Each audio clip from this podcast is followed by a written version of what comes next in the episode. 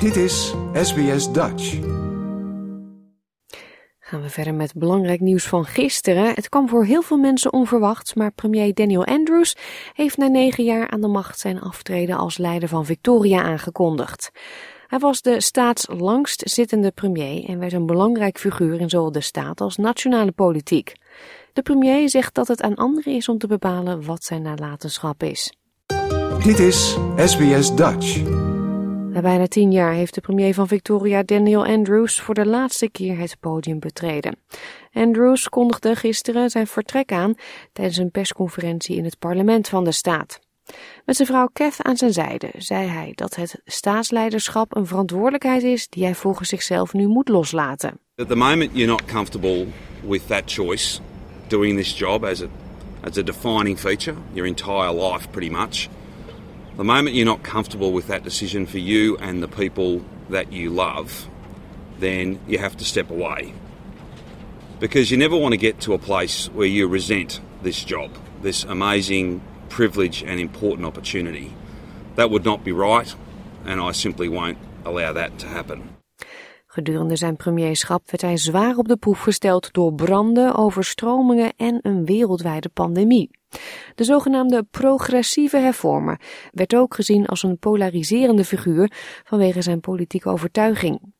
Hij zegt dat hij het niet langer kan opbrengen om er vol voor te gaan, maar hij blijft zich inzetten voor de Victorianen. Every waking moment is about the work, and there's only so long you can do that for. So I'm looking forward to a very different pace and doing different different things. And part of this is I don't know what I'll finish up doing, uh, but uh, I think at least a good part of it will be about trying to support Victoria to be strong and to be leading our nation. Afgelopen november werd Andrews voor de derde keer verkozen tot premier van de staat. In 2014 begon hij aan zijn eerste termijn. De pandemie werd een zeer grote uitdaging voor de premier, die zijn staat door 262 dagen van strikte lockdowns leidde. De leider wordt door velen, waaronder premier Anthony Albanese, erkend als een nationale politieke kracht. Volgens Albanese is de nalatenschap van Andrews voor de Victorianen groot. Daniel Andrews is a man of great conviction, enormous compassion and a fierce determination to make a difference. And he has made such a positive difference to the lives of Victorians. Zijn regering was de eerste die met een euthanasiewet aan de slag ging. Ook hield hij toezicht op de investeringen in infrastructuur en openbaar vervoer. Maar de laatste grote daad van de premier was een ambitieus huisvestingsplan om de tekorten in de snel groeiende staat aan te pakken. Steve Braggs, voormalig premier van Victoria, zegt dat Andrews met een gerust hart zijn post kan verlaten. All the major calls he's done well. Um, he's led a very good and effective intelligent government. Um, he's developed Victoria uh, for the future, and um, I think he can he can go out now knowing he's done the best job possible. De vertrekkend leider kon ook vaak rekenen op stevige kritiek.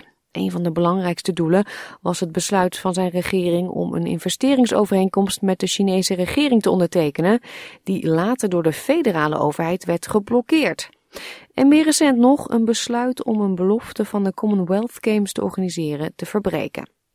De voormalig premier van Victoria, Jeff Kennett, zegt dat de resultaten van Andrews werk pas in de loop van de tijd zichtbaar zullen worden. He was so much in control.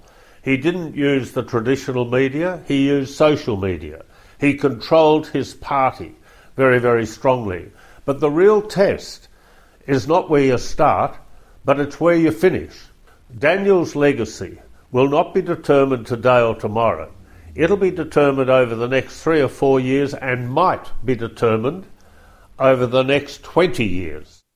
Het ontslag van de Victoriaanse premier gaat vanmiddag om vijf uur in. Zijn opvolger zal vandaag rond het middaguur worden gekozen door de Labour-leden. Dit verhaal werd gemaakt door Tom Steiner en Adriana Wayne-Stock voor SBS Nieuws en in het Nederlands vertaald door SBS Dutch. Like, deel, geef je reactie. Volg SBS Dutch op Facebook.